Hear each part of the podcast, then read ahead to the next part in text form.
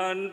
bersamamu. dan bersamamu. Inilah pewartaan Injil suci menurut Santo Lukas.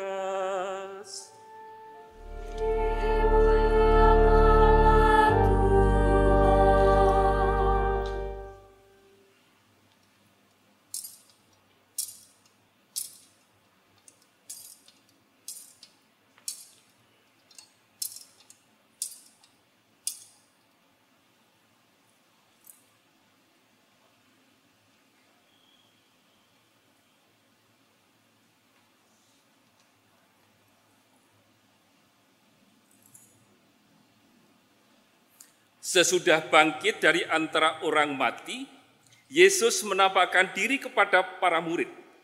Katanya kepada mereka, ada tertulis demikian, Mesias harus menderita dan bangkit dari antara orang mati pada hari yang ketiga. Dan lagi, dalam namanya berita tentang pertobatan untuk pengampunan dosa harus disampaikan kepada segala bangsa, mulai dari Yerusalem kamulah saksi-saksi dari semuanya ini. Lihatlah, aku akan mengirim kepadamu apa yang dijanjikan Bapakku. Tetapi kamu harus tinggal di dalam kota ini sampai kamu diperlengkapi dengan kekuasaan dari tempat tinggi. Lalu Yesus membawa murid-murid itu keluar kota sampai dekat Betania. Di situ ia mengangkat tangannya dan memberkati mereka. Ketika sedang memberkati mereka, ia berpisah dari mereka dan terangkat ke surga. Mereka sujud menyembah dia, lalu pulang ke Yerusalem dengan sangat bersuka cita. Mereka senantiasa berada di dalam bait Allah dan memuliakan Allah. Demikianlah sabda Tuhan. Terpujilah Kristus. Saudara-saudara terkasih di mana pun Anda sedang berada. Ada yang menarik dari ketiga bacaan yang baru saja kita dengarkan. Bacaan pertama sepertinya sama dengan bacaan dari bacaan Injil. Saya bacakan lagi. Bacaan pertama dari kisah para rasul menulis demikian. Sesudah mengatakan demikian, terangkatlah Yesus disaksikan oleh murid-muridnya sampai sebuah awan memisahkan dia dari pandangan mereka. Injil menulis begini. Ketika sedang memberkati mereka, Yesus berpisah dari mereka dan terangkat ke surga ada kemiripan antara bacaan pertama dari kisah para rasul dan dari bacaan Injil Lukas. Para saudara sekalian, kemiripan ini dengan gampang dijelaskan mengapa kok ada kemiripan antara bacaan pertama dengan bacaan Injil. Mirip. Karena dua-duanya ditulis oleh satu orang yang sama yaitu Lukas. Lukas para sekalian menulis dua buku di dalam kitab suci perjanjian baru. Injil Lukas sendiri dan kitab kisah para rasul. Dua kitab ini ditulis oleh Santo Lukas. Nah, maka dengan kemiripan ini Pak Saudara, kita akan memulai atau kemiripan ini membantu kita untuk melihat perayaan atau hari raya kenaikan Tuhan kita Yesus Kristus ini dengan lebih mudah. Para saudara sekalian, menurut Lukas, karya keselamatan Allah itu dimulai dari Galilea, berjalan sampai ke Yerusalem. Dan ini adalah Injil Lukas. Atau kalau dirumuskan secara lain, Injil Lukas itu melukiskan bagaimana perjalanan pewartaan kabar gembira itu berangkat mulai dari daerahnya Tuhan Yesus berjalan sampai ke Yerusalem. Dan di sana berakhir dengan diangkatnya Tuhan Yesus ke surga sebagaimana kita dengarkan tadi. Bacaan Injil tadi merupakan bagian terakhir dari Injil Lukas. Kemudian Lukas melanjutkan kisah itu dalam bukunya yang kedua, yaitu kisah para rasul. Dan Lukas memakai bagian terakhir dari Injil Lukas tadi dipakai sebagai permulaan dari bukunya yang kedua, yaitu kisah para rasul. Maka singkat kata, dua kemiripan tadi bisa disambung demikian. Injil Lukas itu mengisahkan perjalanan pewartaan kabar gembira yang berangkat dari wilayah daerahnya Tuhan Yesus berjalan bersama kelompok para murid menuju ke Yerusalem. Di Yerusalem kita tahu Yesus kemudian menderita wafat dan dibangkitkan dan naik ke surga. Buku kedua, Injil Lukas melanjutkan ini. Injil eh, kisah para rasul melanjutkan dari Yerusalem ini pewartaan itu berjalan keluar, keluar dari wilayah Palestina kemudian menyebar ke seluruh dunia sampai ke tempat kita. Sampai di kota baru ini, sampai di tempat di mana masing-masing Anda berasal. Maka gereja kita ini, gereja kita masing-masing dan kita berasal ini merupakan kelanjutan dari kelompok para murid yang dimulai oleh Yesus kemudian berjalan sampai dengan pada zaman kita ini. Maka Yesus yang menjadi pusat dan pokok dari kelompok para murid itu adalah Yesus yang sama yang kita imani. Itulah Yesus yang sama yang pada hari ini ada dikatakan dalam Injil. Yesus yang sama dikisahkan para rasul. Yesus yang naik ke surga. Para saudara sekalian, kalau kita memahami demikian, maka kita bisa mengerti mengapa dari satu pihak hari ini semacam hari perpisahan para murid dengan Tuhan Yesus. Di lain pihak, tidak ada suasana kesedihan bahwa Yesus ditinggalkan oleh bahwa Yesus meninggalkan para murid.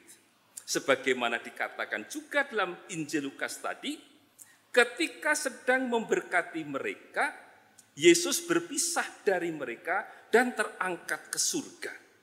Mereka sujud menyembah Dia, lalu pulang ke Yerusalem dengan sangat bersuka cita. Lalu pertanyaan kita, mengapa suasana sukacita itu mewarnai hari raya kenaikan Tuhan kita Yesus Kristus? Bacaan-bacaan hari ini menyebut dua alasan mengapa para murid bersuka cita. Alasan yang pertama, sebenarnya tidak ada perpisahan. Karena Tuhan Yesus akan selalu menyertai para murid dengan berkatnya.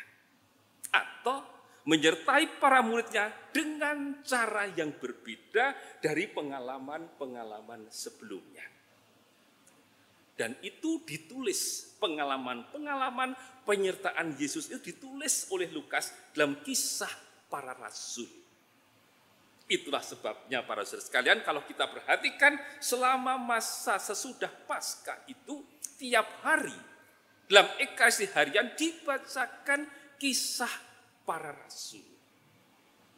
Memang para saudara sekalian kalau kita ingin mengenal sejarah gereja kita, khususnya gereja awal, membaca kisah para rasul sebenarnya merupakan keharusan bagi kita.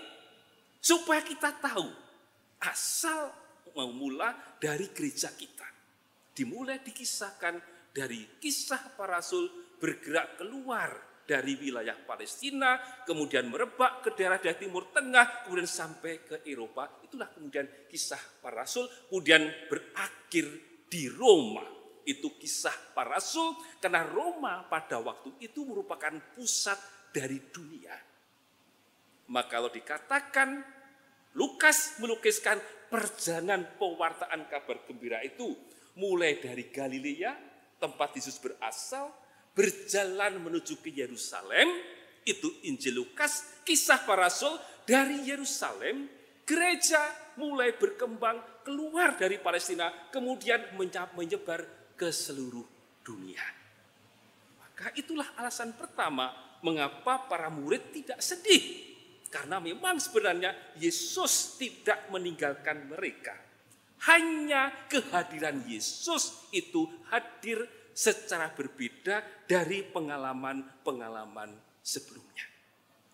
Dengan lain kata teman-teman sekalian, gereja kita ini merupakan kelanjutan dari kelompok para murid. Kelompok kasih, komunitas kasih jalan Tuhan yang diceritakan mulai dari kisah para rasul sampai dengan zaman kita itu. Itu alasan pertama. Mengapa para murid tidak bersedih?